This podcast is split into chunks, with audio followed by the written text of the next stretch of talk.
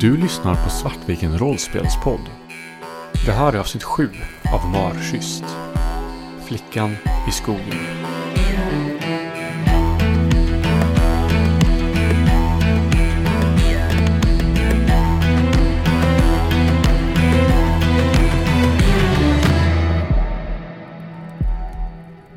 Du känner dig plötsligt rädd, förvirrad och ensam. Du vet inte var du är eller varför du är här. Det tar några sekunder från dig att koppla att det, det är inte dina känslor du upplever. Rädslan och paniken blandas med dina egna känslor.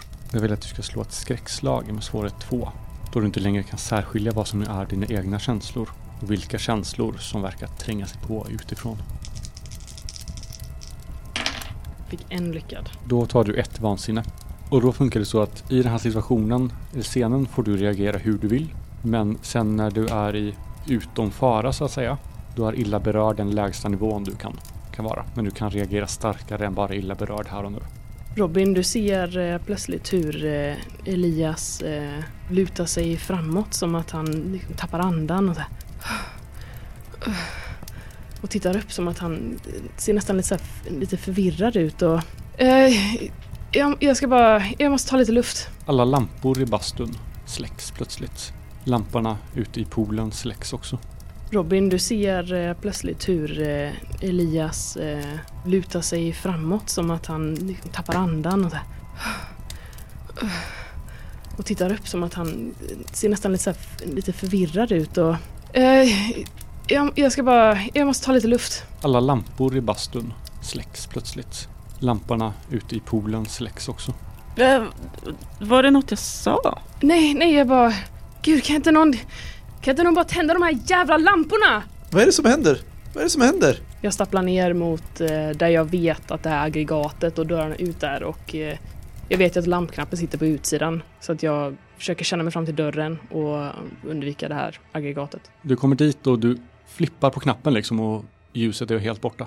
Du ser lite grann tack vare elden i aggregatet. Kylan utanför bastun gör att jag ändå kan lugna ner mig lite och jag, jag ställer mig och lutar mig mot väggen med eh, underarmarna och lutar liksom pannan mot väggen som känns sval och, och skön och tar liksom några djupa andetag och försöker få känslan under kontroll och få grepp om dem. Ni kan allihopa slå uppmärksamhet. Anna, du får en bonustärning på det här. Tack vare din fördel. Ett. Ett. Ett. Från skogen så tycker ni er höra en röst. En röst som låter rädd och utsatt. Ni kan höra den ropa. Hjälp mig! Var, var är jag? Kan inte någon hjälpa mig? Jag har följt med Elias ut och precis på väg att sätta en hand på hans axel för att höra hur det är när jag hör det här skriket. Och på något sätt så är det som att jag rycks in i min dröm där det var någon som behövde hjälp. Och jag börjar rusa mot uh, ljudet. Jag vill inte hinna för sent. Vänta, jag kommer! Robin! Jag har försökt att börja försöka ta mig in i omklädningsrummet för att försöka hitta min mobiltelefon. Du lyckas rota fram den här inne i mörkret och den är helt död. Jag står nog ganska länge där och försöker fippla med den och få på den. Det funkar inte. Vad gör Elias? Jag ser ju hur Robin sätter av där och eh, börjar liksom röra mig efter honom. Men jag tänker ju också lite så som Annie egentligen, att jag behöver ha tag på min mobil. Så jag börjar ju rafsa fram den först. Och du får fram den och även den är helt svart. Fan. Ja, jag kastar den åt sidan och drar snabbt på mig mina byxor och sen ger jag mig av efter Robin. Elias och Robin, ni springer genom skogen. Robin med visst besvär med tanke på att du fortfarande har handduk hängande runt, runt höften. Det är nästan omöjligt att se vart ni är på väg just nu. Det är helt mörkt och ni rör er in i rätt snårig skog. Jag skulle vilja att ni slår rörlighet för att ta er fram här utan, utan att stöta på några särskilda problem. Ett. Två. När du tar fram Robin så känner du hur kvistar och grenar river i handduken och över dina fötter och ben. Och du misstänker att du kommer ha rätt många småsår som kommer stickas och vara jobbiga imorgon. Men du klarar det utan att ramla i alla fall. Elias, du lyckas till och med undvika de här buskarna. Du tar dig fram utan, utan problem. Eller så är det jeansen som skyddar. Ni kan snart höra snyftningar inifrån mörkret. Någon som gråter. Robin! Vad fan väntar du Robin? Vänta Merit, jag kommer! Vad pratar du om? Jag stannar till lite när jag uppmärksammar din röst och kommer på mig själv lite med vart jag är. Vad är det som händer? Vad? Kä- Känner du den här personen? Jag skakar lite på huvudet och nej, det var... eh, Jag måste ta ett fel kanske. Jag trär eh, min handduk tätare runt mig och... Men, men det hör någon som gråter va? Ja, jo. Och så ropar på hjälp. Men vi, vi behöver ju... Vi behöver ju hämta någon, Robin. Vi behöver ju ringa någon. Vi, vi kan inte bara springa ut i skogen när det är mörkt. Där eh, slår det mig återigen att jag gjorde liknande som jag gjorde förra gången. Men nu är åtminstone Elias med mig. Men nu är vi här. Jag hoppas att någon annan ropar på hjälp. Ja, ni brukar ju vara bra på det om inte annat. De vet vart vi tog vägen. Hallå? Är det någon där ute? Från trädet så hörs ett kraxande till svar. Det verkar sitta en grupp korpar där uppe och betrakta er. Hallå? Jag kan inte höra något mer. Kan du höra något mer, Robin? Jag lyssnar. Ni hör svaga snyftningar alldeles i närheten till vänster om er. Där borta. Ah, hallå, är, är du skadad? Jag vet inte var jag är. Jag vet inte var jag är. Okej, men... eh, Det är så mörkt. Det är så mörkt. Okej, men fortsätt prata så, så, så kan vi hitta till dig. Hjälp mig, jag, jag är här. Jag tittar på Robin som alltså är... What the fuck? Jag, fort, jag går mot ljudet och fortsätter titta på Elias. Eh, Vi, vi, vi kommer. Det är mörker någonstans. Ni ser henne snart. En gestalt i mörkret. Hon sitter på marken. Hon verkar vara helt naken. Med in, nästan ingrott smuts över kroppen. Hennes långa svarta toviga hår är fullt med kvistar och barr. Hon sitter med, med knäna uppdragna mot, mot bröstet och gråter. Jag sträcker mig ut så som jag gjort så många gånger förut. Med mitt sinne. Det som slår dig är att det här är en närvaro som du har träffat på förr. Uppblandat i skräcken, paniken, ensamheten och rädslan så finns det någonting bekant. Och du inser att är det här Yoshiko? Yoshiko, är det, är det du? Hon tittar upp mot dig och det är mycket riktigt Yoshiko. Men hon ser likadan ut som den gången som hon försvann. Hon tycks inte ha åldrats. Hur? Vet du mitt namn? Vem är du? Hon börjar backa undan, dra sig bakåt på marken bort från dig. Som att du är en fara. Det, Vem är du? Hur vet du vem jag är? Var är jag? Yoshiko, det, det är Elias. Li- Elias och Robin. Jag gestikulerar mot Robin. Hon stannar till och tittar på er med förvirrad och lamslagen blick. Och du Elias kan känna hennes känsla av, av igenkännande. Men ni, ni, ni är så gamla. Va- Vad är det som händer? Minns ingenting. Jag tittar på Elias och tittar på Yoshiko och Yoshiko, det är du. Jag tar den här handduken som jag har haft över axlarna och räcker bort mot henne. Hon tar den och virar den runt sig. Fryser du? Ja. Vi, vi är... Vi måste gå tillbaka till stugan. Ja, Hon reser sig upp på, på darrande ben. Stapplar fram mot er. Jag rör mig nära och sträcker fram en försiktig hand som att lite som för att röra vid henne men ändå för att lämna utrymme att hon kan säga nej liksom. Från träden så känner ni er betraktade av korparna som kraxar. Yoshiko tittar upp på dem. Har ni, har ni sett korpar med gröna ögon tidigare? Jag tittar upp. En av korparna som sitter på en gren där uppe tittar tillbaka på er. Ett grönt öga som nästan ser vagt mänskligt ut. Vi måste ta oss tillbaka till konferensanläggningen. Yoshiko, kan du gå? Jag, jag tror det. Hon börjar ta några stapplande steg och det verkar som att hon kan ta sig framåt. Vi klipper till bastun. Vad gör Annie så länge medan de här två har sprungit ut i skogen? Efter att ha försökt att starta igång mobiltelefonen lite längre än vad som egentligen är rimligt kanske. Så krafsar Annie ihop alla sina eh, kläder och så från omklädningsrummet och springer ut eh, genom ytterdörren och tittar ut i skogen efter eh, lamporna som eh, syntes genom, eh, genom träden. Du möts av ett becksvart mörker. Du ser inga lampor. Jag tar några tveksamma kliv åt det hållet jag tänker att det borde vara och sen så blir jag allt för, allt för rädd egentligen. Och nej, det- det här, nej det, det här kan inte hända. Inte igen. Och jag backar mot eh, bastun och sjunker ner mot väggen precis vid dörren. Och sitter där och gungar fram och tillbaka. Du är helt ensam där ute. Det verkar som att alla andra har stannat kvar inne i bastun. Jag sitter kvar där. Va? Men Yoshiko, vart, vart har du varit? Jag, jag, jag vet, vet inte. Se- Senast jag kan minnas var att vi var på, på utflykt med, med klassen. Men all, allt är så suddigt, allting är så o, otydligt. Här. Jag går nog faktiskt fram och så här lyfter upp henne lite försiktigt. Jag tänker att hon ändå är eh, lite förvirrad och kanske skadad. Hon lägger sina armar runt din hals och håller sig kvar. Och du kan känna hennes, hennes tårar mot din axel. Jag tittar mot Robin och sen börjar jag röra mig tillbaka mot konferensanläggningen. Följer med i den riktningen som du går.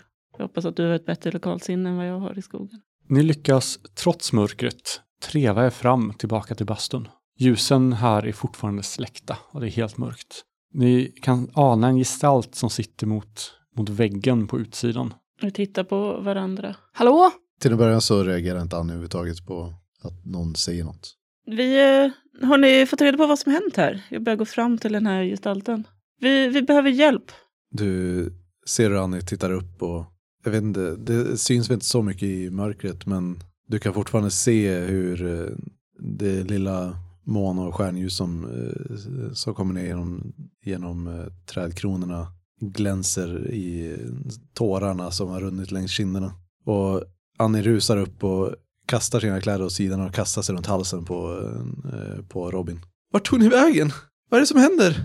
Långsamt så för jag mina händer runt om dig och håller dig tätt nära mig. Vi, jag vet inte hur jag ska förklara det här.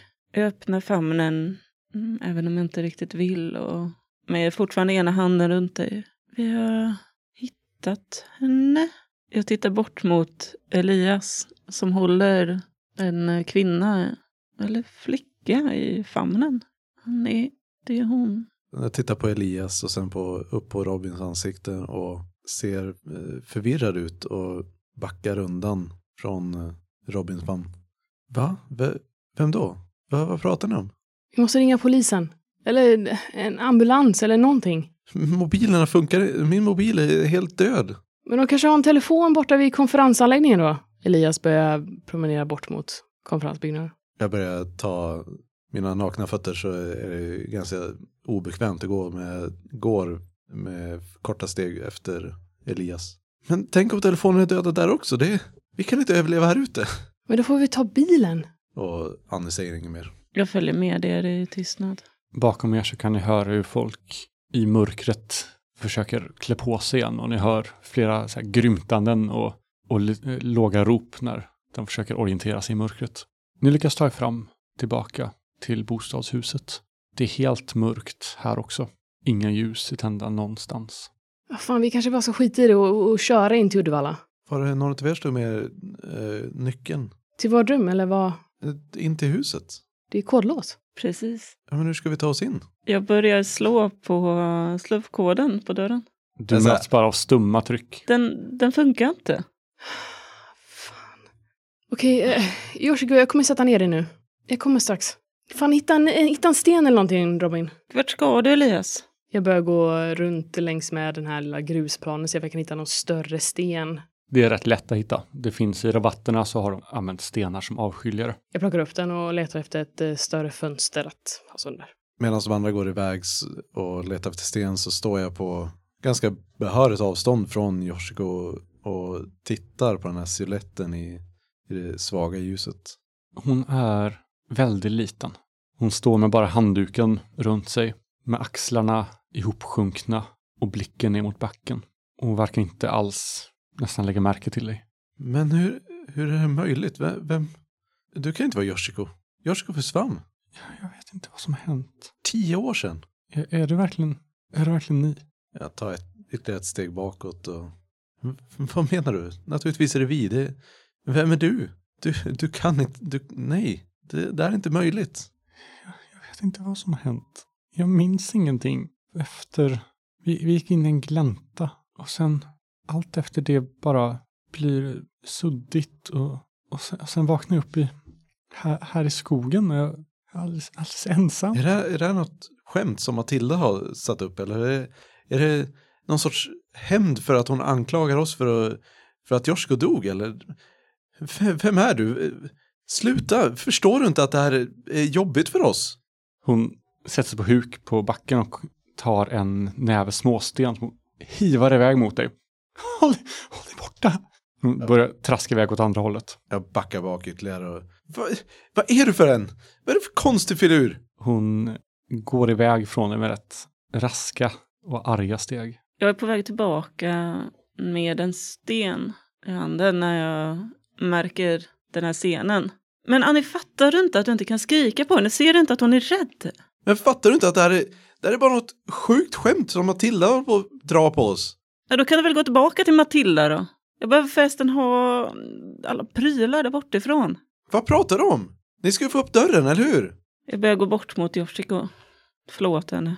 Det här är ju konstigt för oss också. Jag vet inte vad... Jag, jag vet inte vad som händer.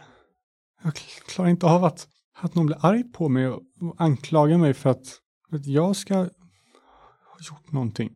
Håller den borta från mig. Hon tittar, slänger en arg blick mot, mot Annie. Vill inte ha, kan inte ha henne i närheten av mig. Annie står med korsade armar och ser eh, upprörd och eh, irriterad ut. Elias, när du går längs huset med den här stenen du hittat så slänger du en blick mot huset och inser att du ser skogen när du tittar in i huset.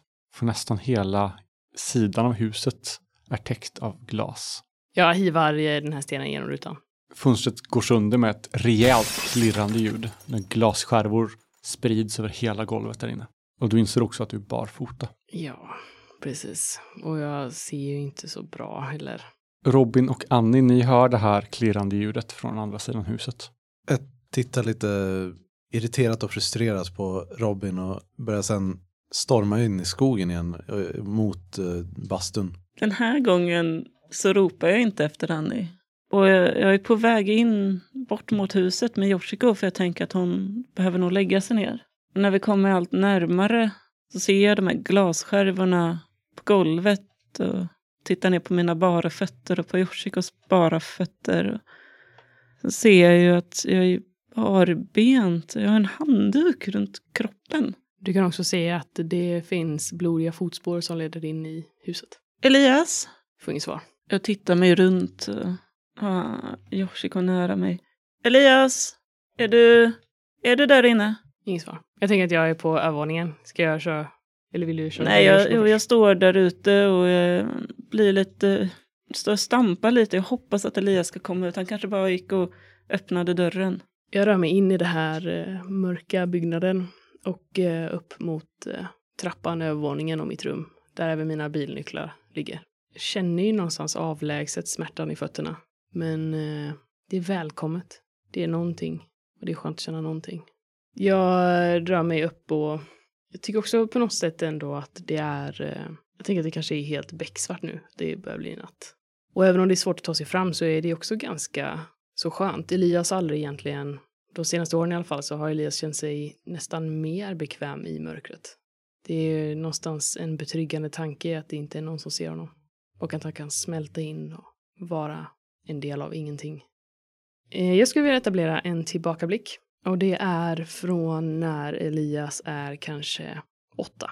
Och han sitter i den här garderoben i sitt barndomshem i eh, Anettes hus. Kan man börja till och med när Annette konfronterar dig och skickar dig till garderoben så man får med den relationen också. Definitivt. Och då är ni i, i ert hus.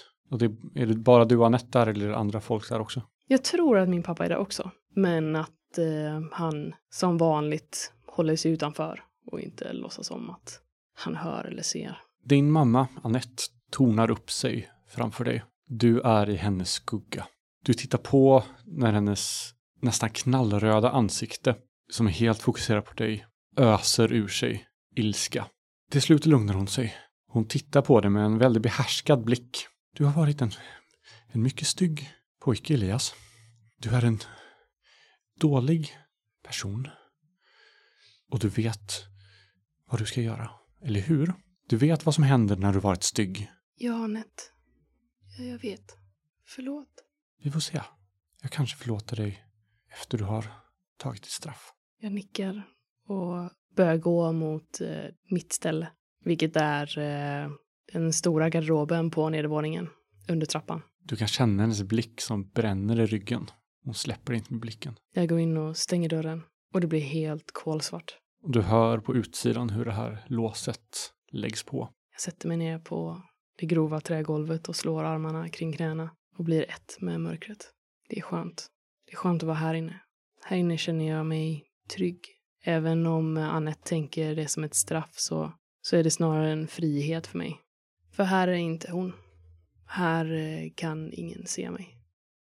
Jag kommer fram till mitt rum och river fram mina bilnycklar och testar lamporna en gång bara för att se om det... Ja, ingenting funkar. Jag river åt mig en tjocktröja ur mitt, mitt bagage eh, och eh, även ett par strumpor. Mina skor antar jag att jag har lämnat ute i bastun. Och sen så eh, kommer jag på mig när jag går ut i korridoren igen och, och går ner längst ner i korridoren till eh, Robins rum och går in och ser om jag kan rota fram någon form av byxor och tjocktröja till honom också. Alla dörrar är öppna nu. Det verkar som att när elen försvann så gick de inte i baklås utan de, de låstes upp. Så du kommer in utan problem i de rummen du vill. Jag rafsar åt mig lite kläder från eh, Robins packning. Och även ett par byxor och en tröja till Joshko. Om det finns. Jag vet inte hur många omklä plagg, omklädning du tog med. Det finns ett par eh, jeans och ett par mjukbyxor. Så finns det en, eh, två stycken stora t-shirts och en hoodie. Då tar jag med allt det. Och sen så börjar jag röra mig ner igen. Jag har ju ändå ganska bra hörsel så jag har ju ändå hört att någonting har rört sig inne i huset. Och jag vill inte tappa Yoshiko i synen den här gången. Så jag står bara och väntar. Och när jag hör att eh, personen är på väg ner så försöker jag igen. Elias? Ja? Ja, vad bra. Jag skulle behöva få tag på lite kläder. När du säger det så kastar jag det ena byltet i din famn. Och du ser att jag går ganska så obekymrat över det här eh, glassplittret. Och du ser att det är mina fötter som, som blöder. Vänta, jag, jag kan lägga om dina fötter. Det där ser inte bra ut. Det är lugnt. Vi behöver ta oss in till Uddevalla. Joshua måste till ett sjukhus, då kan de titta på mina fötter där. Var, var är Annie? Hon gick tillbaka till bastun tror jag. Ja, okej. Okay. Jag går fram till Yoshiko och eh, ger henne mjukisbyxorna och en t-shirt. Hon klär på sig under tystnad. Jag vänder mig artigt bort. När Annie går mot bastun så hör du hur de andra är på väg tillbaka mot dig. Du kan höra Rogers grymtande klagomål. Ja, jävligt att en sån här dyr anläggning inte har tillräckligt med elektricitet för att, för att klara sig natten igenom. Ja. Jag ska, vi får, får ringa och, och, klaga sen när vi, vi kommer tillbaka. Jag vill, eh, jag vill inte eh, bli uppmärksammad av dem. Som är att du vill gömma dig eller som att du vill försvinna? Det beror på. Jag tänker att jag, jag vill mest bara ta ett steg, alltså fortsätta försöka följa stigen vid sidan av istället. Om eh, de går längs eh, stigen tillbaka. Det är inga problem. De pratar rätt högljutt och går många. Så om du smiter ut i mörkret så kommer inte de lägga märke till dig. Så jag skulle helst vilja att det är en så här halvanvändning av min förmåga. Inte... Ja, men du använder den passivt och du skulle förmodligen inte ens behöva den. Men... Nej, precis. Jag går ju mest på känsel för att jag, jag har gått den här vägen men eh, jag ser ju inte så jäkla bra nu i och med att jag tog av mig linserna för bastun och så. Men jag känner mig tillbaka och plockar upp mina kläder egentligen och sedan så börjar jag gå tillbaka mot huset igen. De andra kommer ju fram där ni står. Joshua har precis klätt på sig. Ja, det är en förfärlig situation där. Vi får, vi måste prata med någon. Erik som går bredvid, han, han gnuggar sina händer frenetiskt. Ja, eh, vi får se om det finns någon blankett eller, eller någonting att fylla i. Jag, jag, kan, jag kan titta upp det sen Roger, jag kan, jag kan lösa det. Ja, det är bäst att, att det här blir löst. Vi borde få någon slags ersättning för, för allt det här. Och sen kommer de fram till, till er. Jag går runt på framsidan och ser om jag kan starta min bil. Du försöker öppna bilen och den låses inte ens upp. Även om jag stoppar in nyckeln i den? Mm. Plockar upp stenen igen. Du krossar rutan och lyckas ta dig in i bilen. Efter att ha borstat bort det värsta glassplittret från, från sätena Satt i bilen, stoppat in nyckeln, vrider om, ingenting. Startmotorn går inte ens igång. Det är bara helt, helt tyst. Jag sitter en stund i bilen och bara stirrar rakt fram ut längs den här vägen. Sen eh, tar jag ett djupt andetag och går tillbaka till de andra. Och är förvånansvärt samlad. Jag har stått med Yoshiko och tittat bort mot Elias runt hörnet där han försöker starta sin bil. Så jag hör att Amanda kommer, men det är ingenting jag orkar reagera på just nu.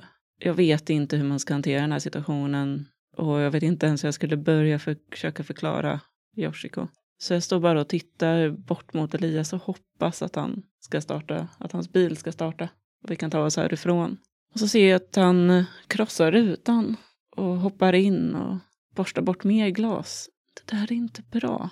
Den hanteringen som han har med glas, det kommer bli smutsigt. Så jag börjar gå bort mot, mot bilen.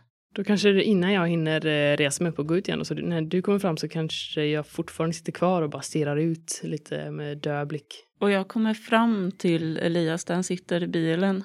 Och min eh, yrkesroll mer går in. Elias, jag förstår det som att bilen inte startar. Jag sitter tyst och, och stirrar ut i mörkret. Får en, en plötslig eh, ingivelse att bara skrika åt dig hur, hur allting är mitt fel. Men så här, hur skulle du kunna förstå det? Så istället så eh, suckar jag och tittar upp.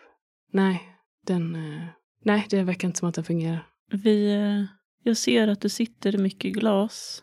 Och jag ser att du har fått in skräp på fötterna där du gick förut. Vi behöver ta hand om dem nu innan de blir infekterade. Så om du följer med mig in i huset. Om vi ännu inte kan ta oss härifrån just nu så kan det vara bättre att vi tar tag i det som är akut just nu. Jag räcker fram en hand till dig. Jag tittar på den och... Men eh, Yoshiko då? Att Jag ser över henne också. Men när jag sa att jag jobbar med människor så är det inom sjukvården. Jag nickar lite och öppnar bilen och tar en hand. Jag börjar leda dig tillbaka till huset och ser om Yoshiko står, har gå- gått till de andra eller om hon har, står kvar och tittar mot oss. Hon står kvar och väntar på att ni ska komma tillbaka. Då går jag fram och lägger en hand på hennes axel också. Vi ser till att ni två sätter er i soffan så tittar jag på er. Vi ska se om någon kan ordna lite te. Jag sopar upp en eh, väg in i huset med min, min ena fot genom glaset. Och jag leder er, vad sa du, sa du? Jag sopar bort i glaset. Med din fot. Ja. Jag har ju redan en massa glas i foten. När du börjar göra det så, så drar jag i det. Sluta! Du ska inte få in mer glas. Jag tar den här eh, handduken som jag inte längre på mig när du har gett mig dina kläder och använder den för att samla ut glas. Och så tittar jag argt på dig. Jag tittar tillbaks eh, känslotomt. Du gör inte mitt jobb lätt för mig. Förlåt. Och så lägger jag, använder min handduk för att skjuta bort glas och sen så tar jag den handduken som Yoshiko hade och lägger över ifall det skulle vara några splitteror kvar och leder er över handduken in i huset bort mot eh, sofforna. Sätt er där. Jag lyder. Sen går jag ut bort mot de andra. Charlotte, kan du sätta igång lite te? Tittar sig lite förvirrat omkring. Fin- Har Elin kommit tillbaka? Nej. Eh, Erik, Eh, ja, Du är väl bra på sånt här med el och vaktmästare. vet inte om jag skulle säga att jag är bra på det, men jag har ju... Ta med dig Matte och Tobbe och gå och titta på det. De gör honör båda två. Yes sir! Sucka lite. Och sen Oj. springer de iväg. Eh, Matilda, har du sett någon, eh, någon ritning över vart det kan finnas första hjälpen på det här stället? Jag tror jag såg en skylt ehm, och en medicinlåda och så alldeles innanför eh, entrédörren. Jag nickar. Och ni andra gör vad ni vill. Jag går bort till eh, den här första hjälpen-kittet. Över handduken. Jag går och öppnar dörren inifrån. Så att den står på vid gavel. Och tar första hjälpen-kittet och går bort mot eh, Elias och Yoshiko. Jag lägger en eh, filt från soffan runt eh, Yoshikos axlar. Vi får prata mer sen. Och sen går jag bort till eh, Elias och börjar eh, långsamt sätta mig ner för att plocka ut glas ur hans fötter. Du kan se att fötterna är ganska illa tilltygade. Och förvånansvärt tilltygade med tanke på hur oberörd Elias verkar vara. Men jag ser också att jag saknar ljus. Jag börjar plocka bort de värsta bitarna och sen så vänder jag mig om. Matilda, kan du hitta något ljus av något slag? Ja, ja, jag kollar i köket. Och jag kommer ihåg att eh, Matte och Tobbe rotade i spritskåpet. Och eh, tänker att eh, det borde finnas något starkt där. Men i första hand så tittar jag i första hjälpen-lådan om den har någon sån. Det borde finnas någon form av solsprit eller liknande att badda fötterna med. Ja, det finns allting du behöver. Jag börjar lägga om Elias fötter. Matilda kommer tillbaka. Hon har hittat levande ljus som hon har tänt med, med en tändare. Hon kommer tillbaka med dem och blir stående helt vit i ansiktet och tittar in mot er. Du har lyssnat på Svartviken rollspelspodd som spelar Skrumt. Skrumt är skrivet av Kristoffer Warnberg och ges ut av Bläckfisk förlag. Musiken är gjord av Alexander Berger.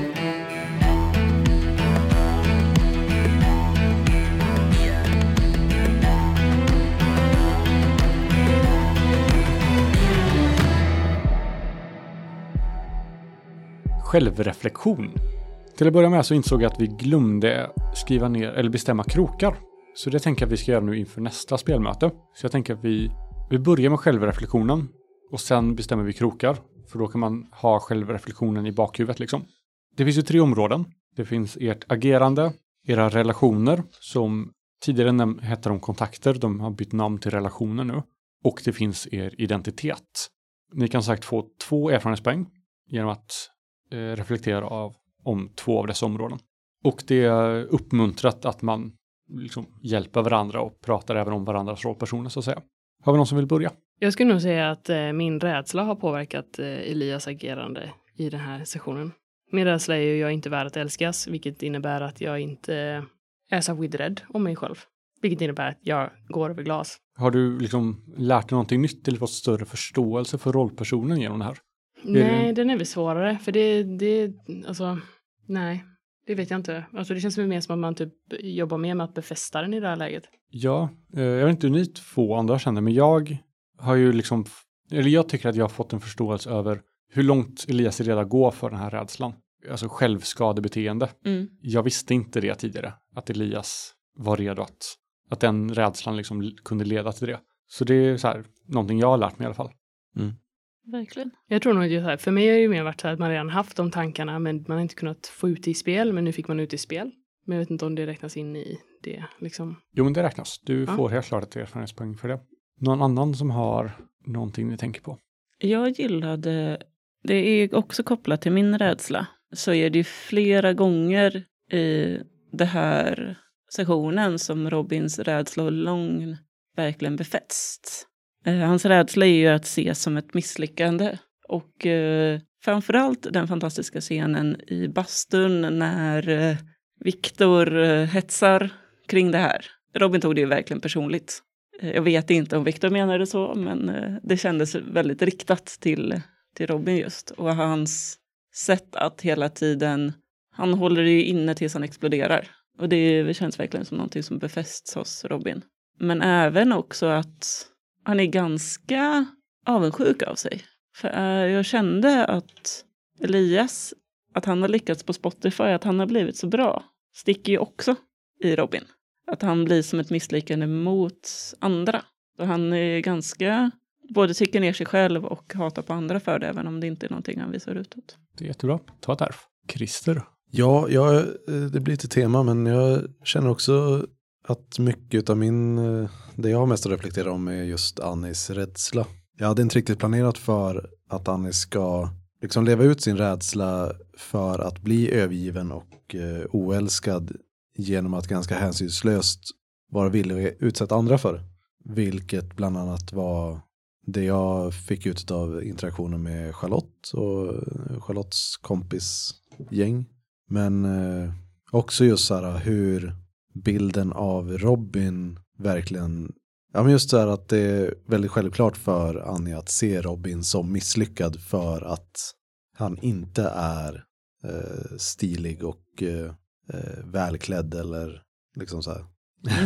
Till exempel. Och att det påverkar väldigt mycket hur, hur Annie kan, eh, kan interagera med Robin överhuvudtaget. Och det tänker jag både är kopplat till just uh, Annis rädsla.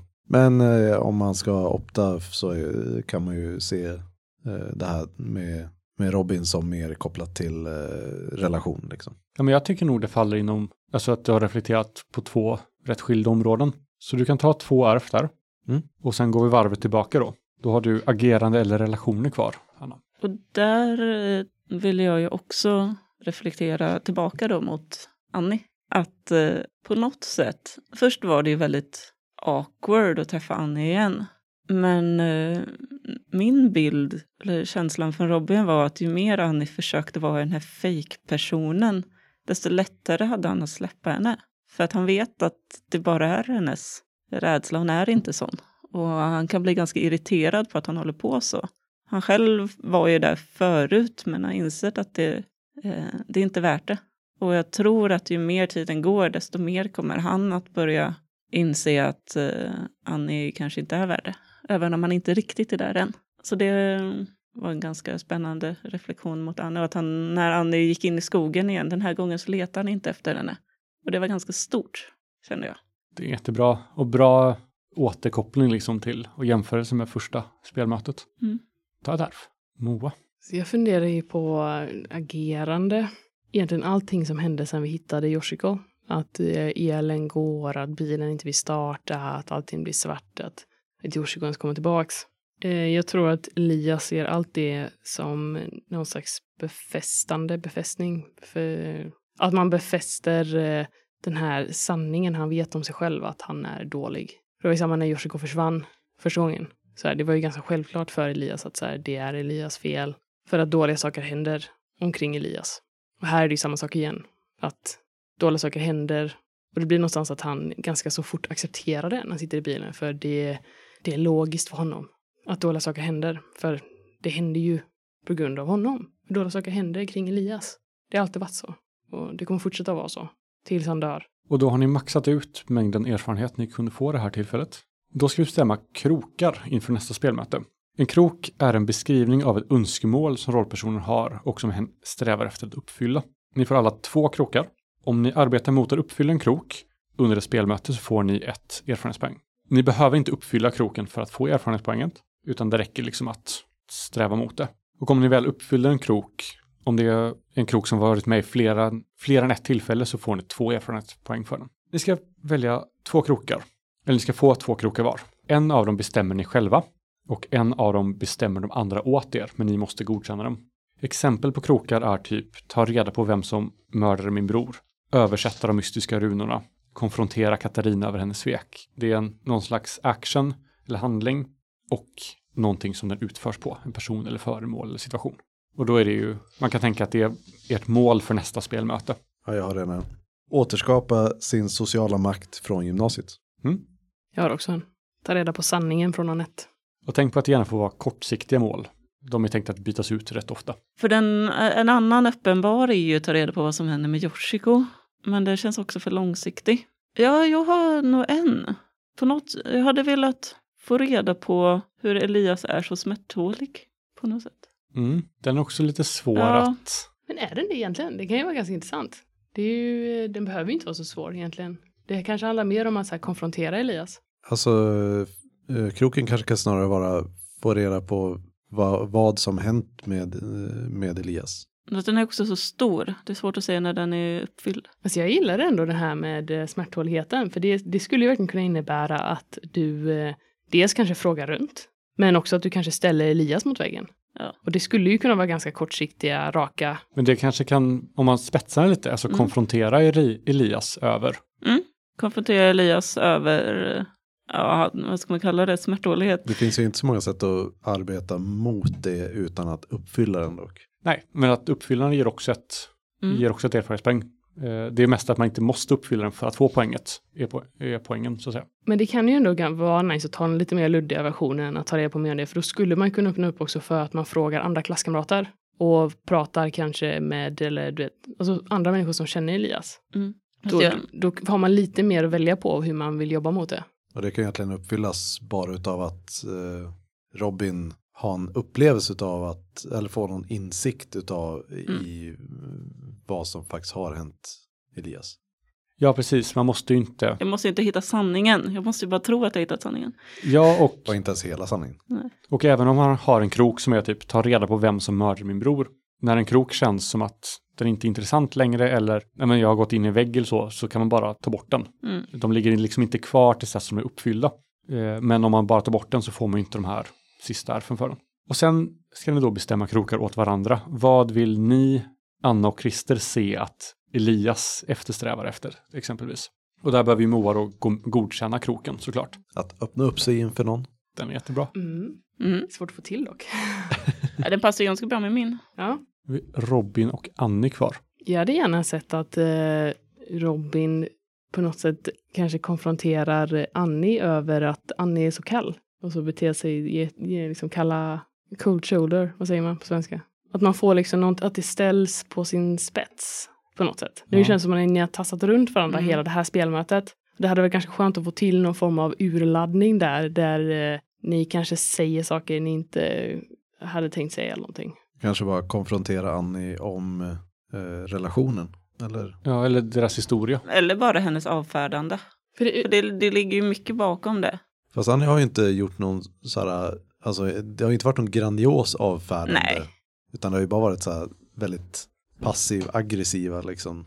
Jo, jo, men det är det Ja. som är så. Och sen så då blir det väldigt svårt att konfrontera det när det är passivt aggressivt. Men kom, det kan ju komma till en sån punkt där det bägaren rinner över. Där du liksom inte kan svälja igen att det är helt uppenbart att Annie sätter sig eh, långt bort, så långt bort som möjligt från mig. Alltså vad jag har gjort för att förtjäna det här. Men jag tycker det passar ganska bra just för att Robin, min bild av Robin är att han inte riktigt längre tål falskhet. Och när han själv har börjat komma över Annie, eh, eller liksom komma över den första chocken av Annie, så kan det passa ganska bra.